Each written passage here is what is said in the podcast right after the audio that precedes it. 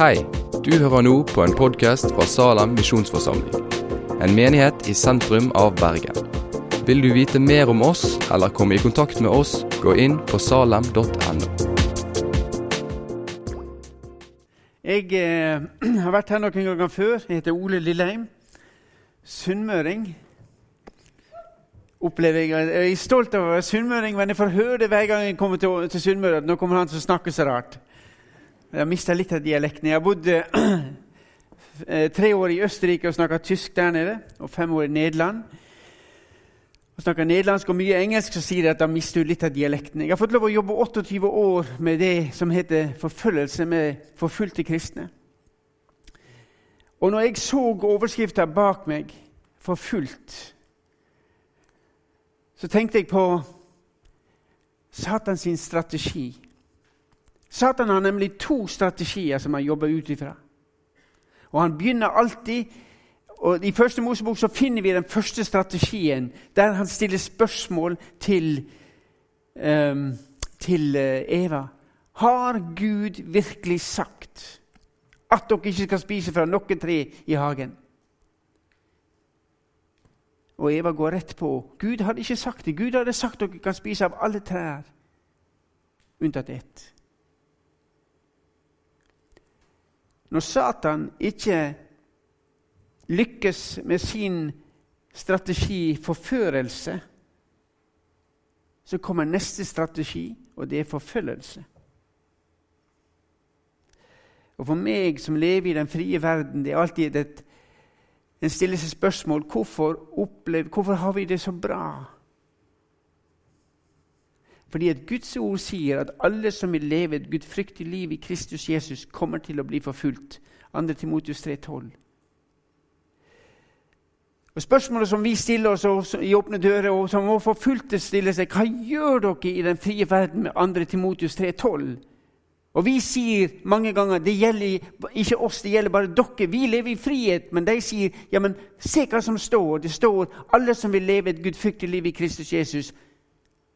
Det vil vi. Vil vi ikke det? Vi vil leve et gudfryktig liv i Kristus Jesus. Og å leve et gudfryktig liv i Kristus Jesus betyr at vi står på denne boka. I dag i Norge, i den vestlige verden, så er det en såkalt sekulær intoleranse som sier det er helt greit at dere tror, men hold det for deg sjøl.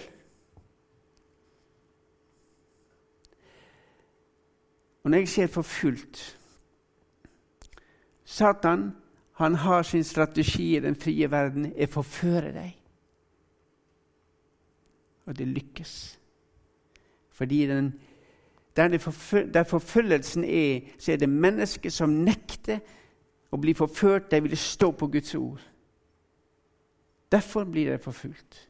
For Jesus Kristus får leve sitt liv gjennom deres liv. Bønn når kampen avgjøres. Jeg har lagt et, bønn, et kort ned på stolene deres. Og jeg har lagt noen penner rundt forbi det. Og jeg utfordrer dere i dag. Vil dere være med og bety en forskjell for disse som blir forfulgt. Jeg har satt overskriften 'Bønn der kampen avgjøres'. Så hvis du tar neste bilde, så får du se at når Jesus gikk ut i tjeneste, så var det alltid når han hadde viktige avgjørelser, så gikk han til side og ba.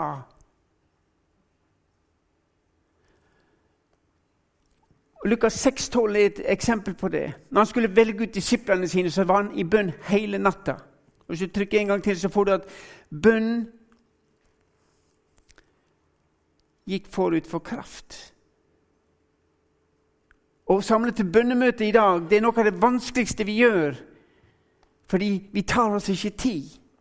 Og dere, Det er det vanskeligste vi, vi har. Vi har skrevet en liten bønn, bønnebok i, i Åpne dører der det står bønn der kampen avgjøres. En liten bok på 70 små sider. Og Kona mi sa til meg en dag det må være en utrolig viktig bok, for jeg har ikke klart å komme gjennom boka. Satan ler av de kristne sine ord, og han skjelver når de kristne går på kne. Neste bilde. Ronald Dunn har sagt dette. apostlenes gjerning er fylt av bønnemøter. Hvert skritt menigheten tok, var bada i bønn. Tenk over hva som skjedde på første pinsedag. Det ba i ti dager og forkynte i ti minutter. Og 3000 ble frelst. I dag så ber vi i ti minutter og forkynner i ti dager. Vi blir ekstatiske om noen kommer til tro. Vi har snudd opp ned på det. Og bønn forandrer ting. Vi åpner dører. Vi har opplevd at bønn har forandra enorme ting. Og vi har sagt det Broderen, jeg sa det i 1984, da vi bedt for Øst-Europa siden 1955, og det går bare verre og verre, og flere og flere av de vi jobber med, blir drept. Hvis vi skal forandre Øst-Europa, la oss begynne å be i syv år. La oss starte et bønnemøte som varer i syv år, og be om at Gud må sette nye ledere inn i Kreml. Da vi hadde bedt i syv år, så var, så var, så var, og da var det folk over hele verden vi, I Nederland hadde vi tre bønnekjeder som gikk 24 timer i døgnet. Jeg hadde Hver torsdag fra to til klokka ti over to på natta så var det Ole Lilleheim som skulle be. Og så var det en annen som tok over. Etter syv år så falt Berlinmuren og ble proklamert trosfrihet i Sovjetunionen. Fordi folk som du og jeg gikk på kne og så sier vi ja, men hvem er jeg, ja, hvem er vi? Det kommer ikke an på den som ber, men det kommer an på hvem vi ber til. Og vi ber til en mektig Gud. Jeg var sammen med Hazar fra Colombia, en mann som hadde vært geriljasoldat i 27 år. Før han ga livet sitt til Jesus. Han drap sin første mann som syvåring, og han aner ikke hvor mange han har gjort. Hvor mange har tatt livet av? Nå har han tjent Jesus like lenge. Og Da han gikk ut av geriljaen i, i Colombia, så, så, så, spurte vi han hva kunne du da. sa han. Hva slags utdannelse hadde du fått? Hva hadde jeg lært deg? Jeg kunne skrive navnet mitt, sa jeg. Sa. Han kunne ikke lese. Nå har han gått på bibelskole. Han lærte å lese. Han lever etter sin bibel. Og så står han på scenen og så sier han noe som jeg har dere som sitter her, dere representerer enormt med kunnskap. Mange av dere har tatt en flott utdannelse. Men Hazar står foran, så sier han, så løfter han hendene og sier han, 'Jeg vet ikke så mye.' Og Så kommer smilet og sier han, 'Men én ting vet jeg, at jeg tjener en mektig Gud', sa Og det er nok for meg. Jeg tjener en mektig Gud. Gud kan forandre situasjoner, og han ønsker å invitere deg og meg med på å være med på dette. her. Hvis du tar neste bilde. De trenger vår hjelp. Og det de sier til oss i Egypt, så sier de ikke be for oss, men be med oss. Be med om at vi må få et mot til å forkynne kjærligheten der hatet rår. Til å forkynne tilgivelse. Til å forkynne Jesus Kristus, han som ga sitt liv for oss alle sammen. Hvis du trykker en gang til, så får du noe som Karl Barth har sagt. Å folde hendene i bønn begynnelse på, det, på, på, et opprør mot det som har gått galt innen verden. Det gikk galt allerede i Edens hage.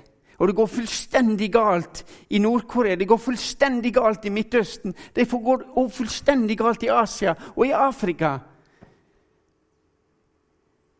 Og Gud ønsker at vi skal løfte øynene og se på hva som går galt, og så skal vi begynne å gjøre noe med det.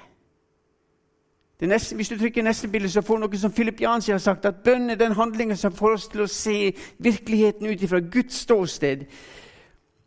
Og dere, når vi begynner å be, Det å begynne å få se virkeligheten ut fra Guds ståsted At Gud elsker disse menneskene her. Og han elsker alle mennesker i Bergen. Jeg satt her og tenkte på Når vi, satt, når vi, når vi sang, så tenkte jeg tenk å ha hatt en sånn lovsangskveld på Torgallmenningen her nede. Jeg utfordrer dere. Tenk å kunne stått på Torvallmenningen og prist Jesus. Hvis de hadde stått der nede. Det hadde vært veldig flaut. Kineserne sa det til meg en gang. Dere, i Vest må slutte å være så flaue av Jesus. Og han traff meg. Martin Cave sa det til meg på Imi-kirka i, i, Stavanger. De var, drev, og, drev og holdt på med evangelisering. Og Martin Cave, som er leder, han sa det at han, når han begynte, så sa han første gangen jeg var så flau. sa han. Jeg var så flau, fordi at folk tenkte sikkert om meg. Den er PR-kåte eh, pastoren. Nå skal han frem og vise seg igjen. Andre gangen så var jeg litt mindre flau. Og tredje gangen så var jeg litt flau, men ikke så voldsomt som den første gangen. Fjerde gangen, sa han, så gikk det opp for meg at jeg står her og representeres kongens konge, og jeg ble så stolt, sa han. Kanskje det går fire ganger før flauheten går over. Men når Jesus får lov å vise deg at du står der som hans representant Jesus er kongenes konge, og han sier det at du er min søster, og du er min bror. Dere, dere er dronninger, dere er prins, dere er prinsesser og, og, og, prinser, alle sammen. Han har invitert dere inn. Og hvis dere hadde visst hvem dere var, og forstått, hvis de forstår hvem vi er At vi er et kongsfolk Men vi er et kongsfolk som er på ei jord der vi egentlig ikke hører til. Hvis du trykker på neste. Og Mange ganger så, så, får vi høre det at forfulgte kristne trenger Jesus desperat. Ja, de gjør det, men du og jeg har samme fiende. Så du og jeg trenger Jesus desperat for at vi skal bli stående.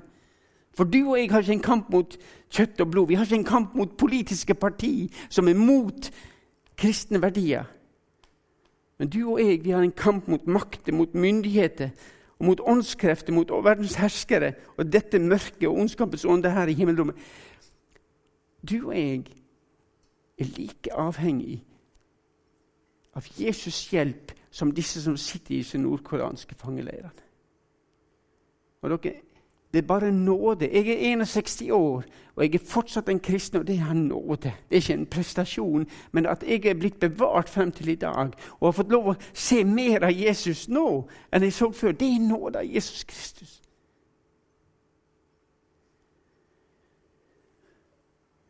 Hvis du tar neste Jesus han utfordrer oss, og han gir oss et tilbud. Han sier det i Johannes 15, så sier han, 'Jeg er vintreet, dere er greinene.' Og han sier, 'Vi hører sammen.' Du og jeg. Jeg er kongen, dere er prinsessene, dere er prinsene. Vi er brødre. Og så sier han i vers 7.: Hvis dere blir i meg, og mine ord blir i dere, så kan dere be om hva dere vil. En sa til meg du kan ikke reise rundt i Norge og forkynne det, Ole. For hva vil ikke folk begynne å be om?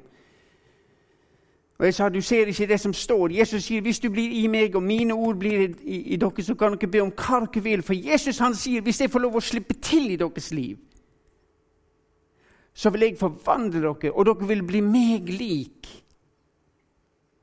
La dere merke til når Jesus blir forklart på fjellet, der Jesus er der med Peter, Andreas og Johannes, og så dukker Moses opp og Elias opp. Og så står det at Peter sier Det står om Peter. Han, han var så forvirra, han visste ikke hva han skulle si. Men så sier han, 'Jesus, la meg få lov å bygge tre hytter. Ei til deg, ei til Moses, ei til Elias.' Og legg merke til Peter nevner ikke seg sjøl. Og Det var en afrikaner som sa det til meg. Når du er sammen med Jesus, Ole, så glemmer du dine behov, og du begynner å tenke som Jesus. Og Derfor sier Jesus hvis dere blir i meg, og mine ord blir i dere, så be om hva dere vil. Og dere skal få det. Fordi han får leve sitt liv gjennom deg og meg. Og han ønsker at vi skal være en støtte for sitt legeme. Det finnes bare ett legeme i denne verden. Og det er Jesu Kristi legeme. Og Om vi er medlemmer av I Åpne dører, eller om vi er medlemmer i NLM eller SALT eller you name it Alle disse organisasjonene er bare et redskap i den levende Guds hånd som styrer alt.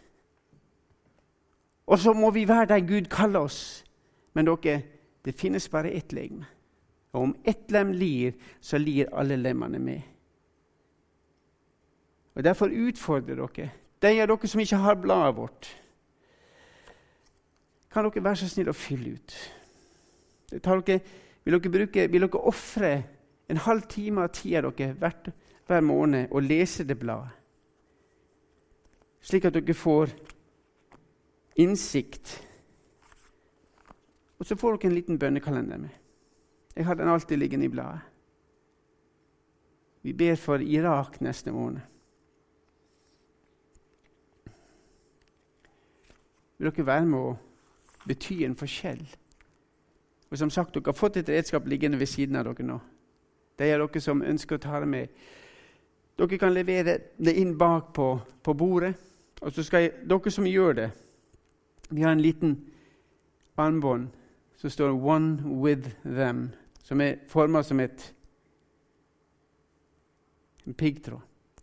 Og For meg er det en enorm påminnelse. Jeg vil være ett med deg. Jeg vil bety en forskjell for deg. Og Jeg skal avslutte med å fortelle om hva de sa, de som jeg var sammen med av Nord-Korea-teamet vårt. Ei kvinne som jobber mot disse kvinnene som rømmer. Og Mange av dem blir fanga opp i Kina, solgt til kinesiske bønder eller inn i prostitusjon. Denne, denne uh, kollegaen min hun sa det at det er vanskelig for meg å forkynne Jesus for deg. Jeg forsto ikke helt hun sa, hvorfor hun sa det, men så sier hun vanskeligheten ligger i det at hvis jeg vinner deg for Jesus, så vet jeg at det kan koste deg livet. Og det er vanskelig, sa hun. Og Så forteller hun om fem stykker som hun hadde hatt på bibelgruppe i Kina. De, ut, de reiste inn til Nord-Korea og ut igjen og, og, kom på disse opplæringene. Og En dag så tar politiet i Kina dem. De oppdager dem. Hun faller på kne foran politiet i Kina og sier hun, 'Vær så snill, ikke send deg. Det er jeg som har lært deg om Jesus. Det er min skyld. Send meg.' Men hun blir sendt tilbake til Nord-Sør-Korea, mens disse fem andre blir sendt tilbake. Og så sier hun med tårer i øynene så står hun, 'Jeg har aldri sett deg igjen.' Det er tungt å gi deg evangeliet, for jeg vet det kan koste deg livet. Men så kommer et lite smil, men så sier hun en dag skal jeg treffe deg. Og så sier hun, 'Vil du ta med deg hjem og be kristenfolk i Norge be for oss?' Be om at vi må klare å dele evangeliet med deg, sjøl om det kan koste deg livet. Jeg takker Herre Jesus for den friheten du har gitt oss. Og jeg ber for ungdomsforsamlinga her, Jesus. Vi ber for oss alle sammen. Vil du vise oss hvem vi er, at vi er kongsbarn? Og du har invitert oss inn til å bli brødre og søstre, og du deler alt med oss. Vil du hjelpe oss, Herre Jesus, til å åpne hjertedøra vår, så slipper deg inn. Og Hvis det skal noe, kreves noen forandring i vårt liv, så må du gjøre det, Herre Jesus. Og vi takker deg for det som skjer i den forfulgte verden. Fordi vi vet det skjer fordi et menneske slipper deg til, og du får lov å leve ditt liv gjennom deg. Og dermed så nytter det ikke med forførelsen, men det må Satan må inn med forfølgelsen. Men Gud lar deg få lov å kjenne at som dagen er, så er deres styrke. Takk at du, De sitter ikke i fengsel i Nord-Korea fordi du har glemt dem. Du har kontroll, Herre Jesus. Forfølgelsen er ikke fordi du har glemt den, forfølgelsen er det fordi det er en kamp mellom det vonde og det gode. Og takk, Herre Jesus, for at du kaller mennesket inn til et fellesskap med deg i Irak, i Nord-Korea, i Syria, i India, Herre Jesus. Og vi ber òg, ser du i nåde til oss i Norge, la du oss å bli så frimodige til å forkynne evangeliet at ikke vi holder troa for oss sjøl. La oss få lov å bli noen som deler det gode vi har fått. Må du velsigne denne forsamlinga her, Jesus, og velsigne menigheten her. Og la dem få lov å bli til velsignelse for hele Bergen. I Jesu navn. Amen. Så jeg har lyst til å si takk til dere som leder oss i lovsangen. Takk for at dere bruker de gaven dere har. Gud velsigne dere.